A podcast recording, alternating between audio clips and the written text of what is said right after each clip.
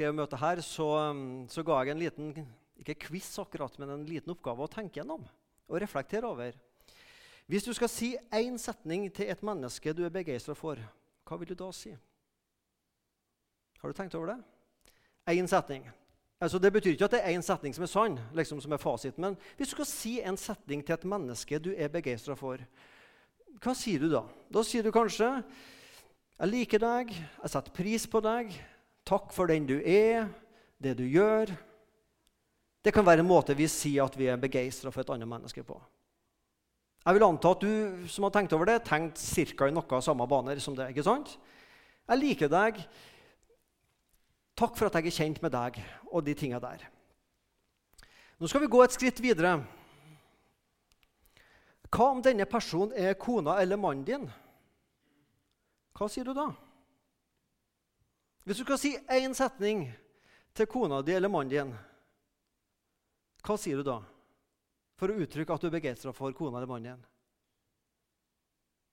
Skal vi tenke ut én setning, så teller jeg til tre, og så sier vi den høyt sammen. Er du klar? Én, to, tre. Takk, Kjersti. Du er heldig, Rolf, som har ei kone. Hæ? Jeg hørte altså én person eh, Kona mi også var litt Skal vi si en gang til? Hva vil dere si til kona eller mannen deres? Én, to, tre. Ja, det var litt Dere hørtes ikke så veldig begeistra ut, må jeg bare si. Men da sier vi 'jeg elsker deg'. Det er jo naturligvis i det. Jeg går ikke bort til hvem som helst, til deg eller deg, damer, og sier 'jeg elsker deg'. Da vil dere bli betenkt. Altså, hæ? Det sier jeg til kona mi. Det sier du til ektefellen din. Men så tar vi det ett skritt lenger. folkens. Hva om denne ektefellen er Jesus Kristus, han som kalles brudgommen? Hva vil du da si? Hvis du skal si én setning til Jesus, hvor begeistra du er for Jesus, hva vil du da si? Det kom ganske kjapt. eller sånn rimelig kjapt. Jeg elsker deg når vi var liksom ektefellen. Men hva vil du si til Jesus hvis du skal ordlegge deg at du er glad i Jesus? At du er begeistra for han? Kanskje sier du halleluja. Eller du legger trykket litt annerledes halleluja. Jeg vet ikke. Eller som eh, tidligere forsamlingsleder her i Misjonssalen for 30 år siden, Odd Dubland, så lærte oss å si at her i Rogaland så sier sambandsfolket 'og du og du'. ja. Men jeg tror mange av oss begynner å lete litt etter ord. Hva skal jeg si til Jesus? Hvordan skal jeg uttrykke at jeg er begeistra over Jesus? Kan vi si 'Jeg elsker deg' til Jesus? Har du sagt det til Jesus en gang? 'Jeg elsker deg, Jesus'. Sånn som du sier det til ektefellen din. Du er jo begeistra for ektefellen, men klarer vi å si akkurat den samme setningen til Jesus? 'Jeg elsker deg, Jesus'. Er det litt sånn klissete? Er det litt sånn sentimentalt? Er det litt uvant? Ja. Kanskje noen syns det er litt banalt. Johannes 21, vers 15-17. Da de var ferdige med måltidet, det er etter fisketuren, og de er tilbake på stranda og spiser fisk og god frokost, så sier Jesus til Simon Peter, 'Simon, sønn av Johannes, elsker du meg mer enn disse?' Han svarte, 'Ja, Herre, du vet at jeg har deg kjær.' Jeg elsker deg, Jesus. Jesus sier til ham, 'Før lammene mine.' Igjen for annen gang sier han, 'Simon, sønn av Johannes, Elsker du meg? Ja, Herre, du vet jeg har deg kjær, svarte Peter. Jesus sier, 'Vær gjeter for sauene mine.' Så sier Jesus for tredje gang, eller spør for tredje gang, 'Simon, sønn av Johannes, elsker du meg?' Peter ble bedrøvet over at Jesus Han ble ikke begeistra, han ble bedrøva. Over at Jesus for tredje gang spurte om han hadde ham kjær. Og han sa, 'Herre, du vet alt. Du vet jeg elsker deg, Jesus. Jeg har deg kjær.' Jesus sier til ham, 'Fø sauene mine'. Tre ganger sa Peter til Jesus, 'Jeg elsker deg'. Og Sannsynligvis så spor Jesus tre ganger fordi at Peter hadde fornekta tre ganger. Bantes tre ganger på at han ikke kjenner Jesus. Her får han anledning tre ganger til å si, 'Jeg elsker deg, Jesus'. Jeg har deg kjær. Det er en annen måte å si det samme på. Jeg elsker deg, Jesus. Det å være begeistra for Jesus, det høres. Det bør høres. Jeg elsker deg, Jesus. Kristentro og følelser. Spørsmålstegn, utropstegn. Kristen tro, bygger det på følelser?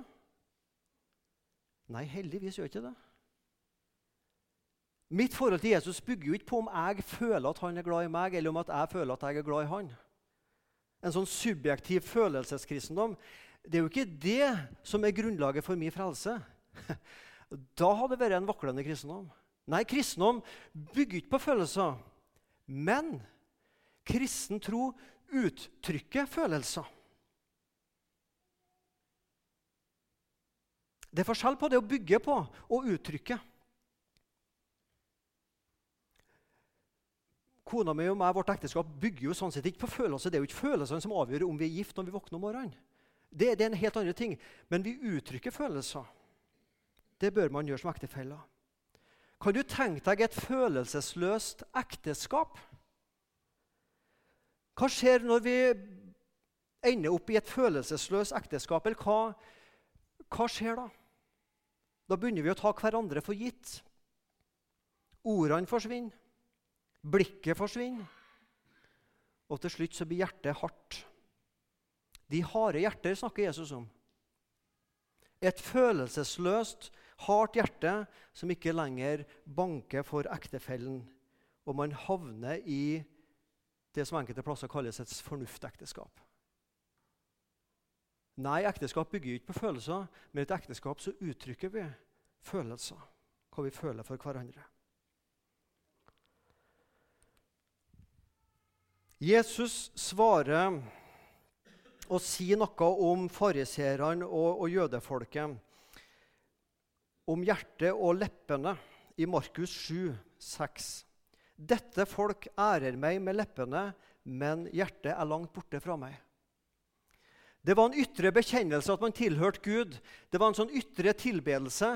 Men du vet, Jesus han kan jo se til hjertet. Det kan ikke du jeg. Men Jesus klarer jo å se til hjertet til dem som tilber. Og Jesus avslørte dem.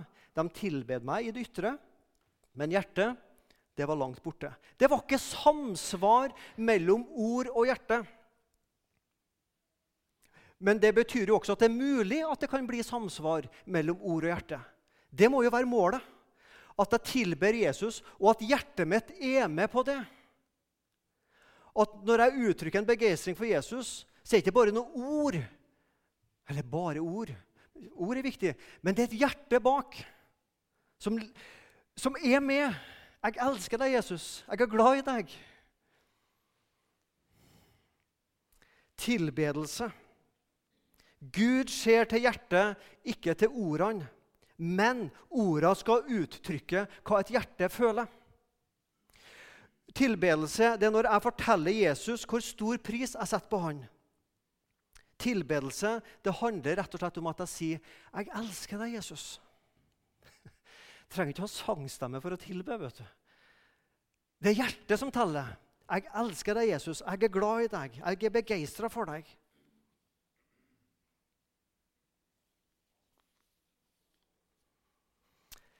Ord. Bare ord, sier vi av og til. Nei, ord er ikke bare ord. Det du eller det eller den eller de du og jeg er opptatt av, det snakker vi om. Ikke sant? Du trenger ikke å være mange minutter sammen med et menneske. altså Først om vær og vind og alt sånn, sånne ting. Men når du kommer liksom på litt dypere plan, så tar det oss ikke mange minutter før vi kan si hva er et menneske opptatt av. For det hjertet er fullt av, det kommer naturlig ut av munnen. Du kan liksom ikke holde det igjen. Det sier jo Jesus òg. Det hjertet er fullt av, det flyter ut av munnen. Det vi er opptatt av, det snakker vi om.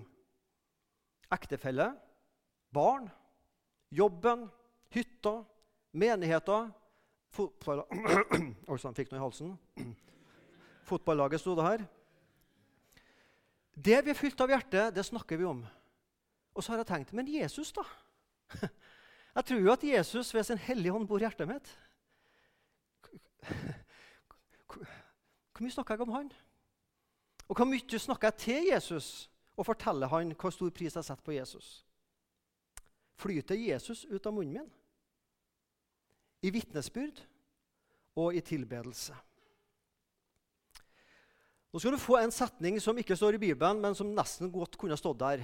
Den brukes av og til i psykiatri når man snakker om å behandle traumer, og det er følgende setning. Ja, hopp over den. Inntrykk som ikke får uttrykk, skaper enten nedtrykk eller opptrykk. Har du hørt den før? Inntrykk som ikke får uttrykk, skaper opptrykk eller nedtrykk. Det er en bibelsk sannhet her. Hvis et menneske har opptredd, opplevd traumer, sterke inntrykk, og man ikke får muligheten til å gi uttrykk for det man har opplevd, så setter det seg i kroppen, sier vi av og til. Og det er litt forskjell på mann og kvinne her. Og nå snakker vi generelt. ikke sant? Generelt er det forskjell på mann og kvinne. Kvinner gjerne trykker det opp i hodet for vondt i hodet, mens menn trykker det ubearbeidet ned i magen og får en klump i magen. Men så har jeg tenkt på denne setningen. Jeg tror også den sier noe om en åndelig sannhet. For jeg har fått et inntrykk av Jesus. Jeg har møtt Jesus. Jeg har sett han. Jeg har sett hva Jesus har gjort for meg.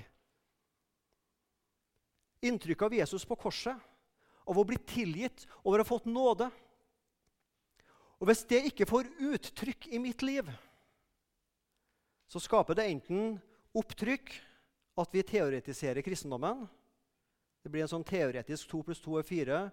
Min synd, Jesus dør, er lik frelst. Og så blir det bare en teoretisk kristendom. Eller vi trykker det ned og gjemmer det, og så blir vi stille. Inntrykk som ikke får uttrykk, skaper opptrykk eller nedtrykk. Og så blir vi så stille med Jesus. Ikke bare tier jeg overfor andre om Jesus og hva han betyr for meg, men det blir så stilt mellom meg og Jesus også. Det vil si, han har mye han vil si meg, men det blir så stilt hos meg. Jeg får liksom ikke sagt noe til Jesus. Ja, men jeg er jo ikke så flink å ordlegge meg, og jeg er ikke så flink med ord og alt det der. Nei, men det er jo ikke et foredrag Gud vil ha av deg og meg. Han ønsker noen enkle ord der vi kan si at vi setter pris på Jesus, hvor glad vi er i han. At du og jeg er glad for hva han har gjort for oss, mot oss, og at vi elsker han. Jeg elsker deg, Jesus. Er det så vanskelig å si den setningen? Det er tre ord. Ingen, du trenger ikke noen fremmedordbok for å, å, bla opp hva betyr 'jeg' og 'elsker' og 'deg'. Det er ikke noen latininspirerte fremmedord her. altså. 'Jeg elsker deg, Jesus'. Men også det er vi så vanskelig å si av og til. Jeg husker en opplevelse jeg hadde ja, Det er mange år siden jeg var i slutten av tenåra. Oppe i Trøndelag der jeg bodde, så var det en, en gospelfestival. Og så før en eh, konsert så skulle det være et bønnemøte. Jeg fikk være med litt på det der. Og I det bønnemøtet så var det en tidligere narkoman som har blitt frelst som, som, skulle være med som taler den helga. Og Jeg husker ennå når han begynte å be. Og jeg husker enda, Selv om det er ca. 30 år siden, så husker jeg nesten enda ordet han ba om. Altså. Han var fra Bergen, og jeg skal ikke begynne å herme etter Bergen. Si, men det her med at Jesus, jeg setter så pris på deg, Jesus. Jeg vil bare at Jesus du kan vise hva jeg elsker deg. Jeg husker jeg satt der og tenkte Wow, kan du be sånn? Jeg kom inn litt sånn utafra kristen sammenheng, inn i, sånn i, i bedehussammenheng og ble med på forening med bare gamle folk. Det var folk over 40 år den gangen når jeg var 15 år. Folk over 40 år, Det var bare gamle folk. Og Jeg husker jeg satt og hørte på hva de ba, og jeg tenkte tenk når jeg blir gammel, 40 år og sånn. Tenk hvis jeg kan be sånn som dem. De er så flinke å ordlegge seg. De har så fine, flotte ord. Og tenk, Hvis jeg bare får herme etter de ordene, da blir det skikkelig bønn. Altså. Og Jeg husker jeg tenkte over det, han denne narkomanen, hvor fortrolig og et hjertespråk han ba i. Og hvor ofte det ble sånn teoretisk til meg, der jeg måtte liksom fortelle Gud om rettferdiggjørelse og alle disse fine, flotte ordene, som om Gud liksom ikke hadde skjønt det før. måtte forklare mye, vet du. Og så oppdaga jeg det at denne narkomanen han prøvde ikke å imponere Gud, men han, han, han tala ut fra hjertet. Han ba ut fra hjertet, men hos meg så var det litt sånn det måtte liksom jeg forstå det måtte være hodet. Inntrykk som ikke får uttrykk, skaper enten nedtrykk eller opptrykk. Det å få sette ord på det du føler overfor Jesus, det å få fortelle ham hvor glad du er, takken for det han har gjort for deg, hvem han er, tilbe Jesus for den han er. Jeg elsker deg, Jesus. Jeg vet du er min. På tross hva jeg er i meg selv, er jeg din.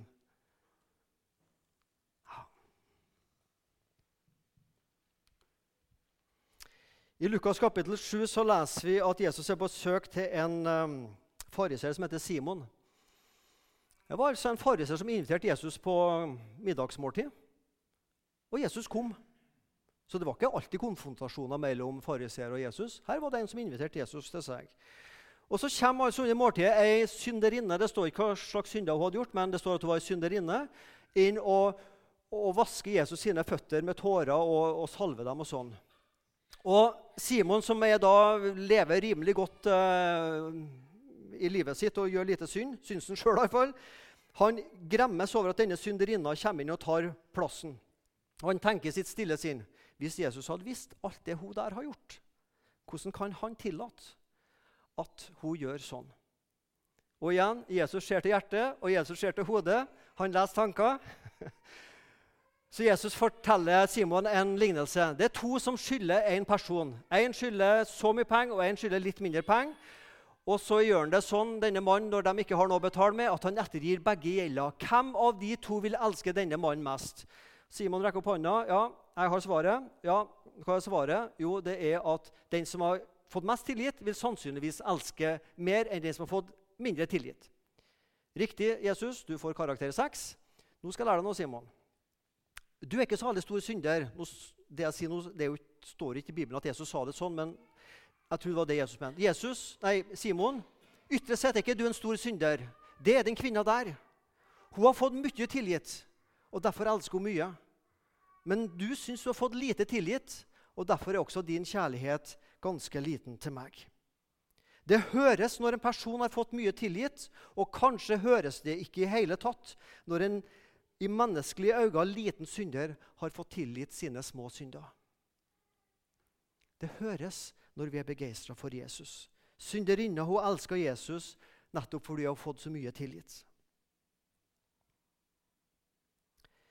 Kjærlighet, dette vanskelige ordet, men egentlig flotte ordet. Hva handler kjærlighet om i Bibelen? Bibelen snakker mye om kjærlighet. Den snakker om litt om erotikk. Den snakker veldig mye om vennskap, kjærlighet oss imellom som mennesker. Og så snakker han også veldig mye heldigvis om det som heter kjærligheten fra Gud til mennesker. Den kjærligheten som ikke elsker pga. at jeg liker deg, og vi er enige om ting og vi ser ganske like ut. Og, men den kjærligheten som elsker på tross av. Bibelen, Nytestamentet, er skrevet på, tres, på, på, på gresk og som iallfall har tre ord for kjærlighet. og Det ene heter agape. Denne guddommelige kjærligheten. Som ikke elsker meg fordi at jeg lykkes som en kristen, for at jeg får til livet, for at jeg er så dyktig å lese i Bibelen, om jeg nå var det, da, eller hva det er, og vi har vært med i misjon så lenge, og sånn og sånn. Men den kjærligheten som elsker meg på tross av den jeg er.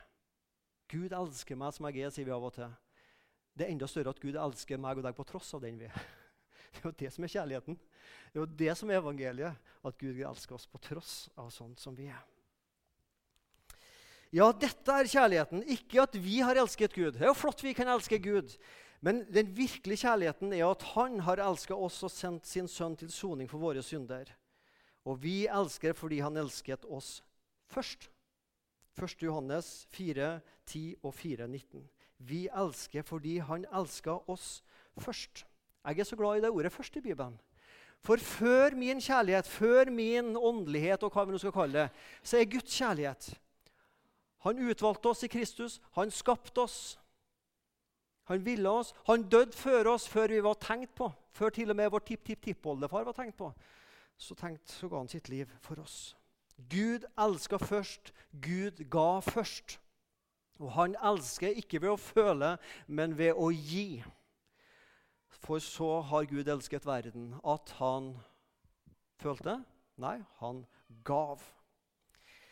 Å elske i Bibelen staves å gi.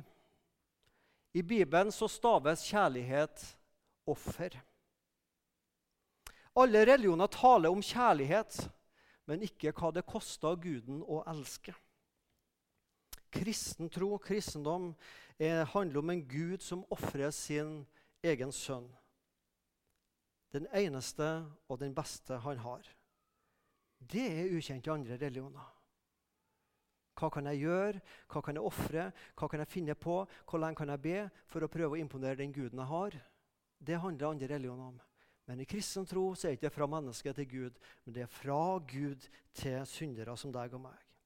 At en Gud er villig sjøl å lide og ta straffen for ondskap, det er totalt ukjent og fremmed og uforståelig for alle mennesker. Egentlig også for oss som kristne. For det kan vi ikke av oss sjøl tenke ut. Vi kan egentlig ikke forstå det, men vi kan tro det. Og Derfor er vi frelst ikke ved at vi skjønner det, men i det at vi tror det og tenker det er mitt. Ja, egentlig ikke bare ved å tro det heller, men å tro at det er for meg. Akkurat for meg. Han ga sitt liv. Når det går opp for meg, og når det blir mitt eneste håp overfor Gud, at det han ga, det er nok for meg, da har jeg opplevd Guds kjærlighet. Evangeliet staves to ord, og det er 'for meg' eller 'for deg'. Det, er sånn staves evangeliet. Å elske staves å gi. Kjærlighet staves å ofre. Og evangeliet staves for meg. Derfor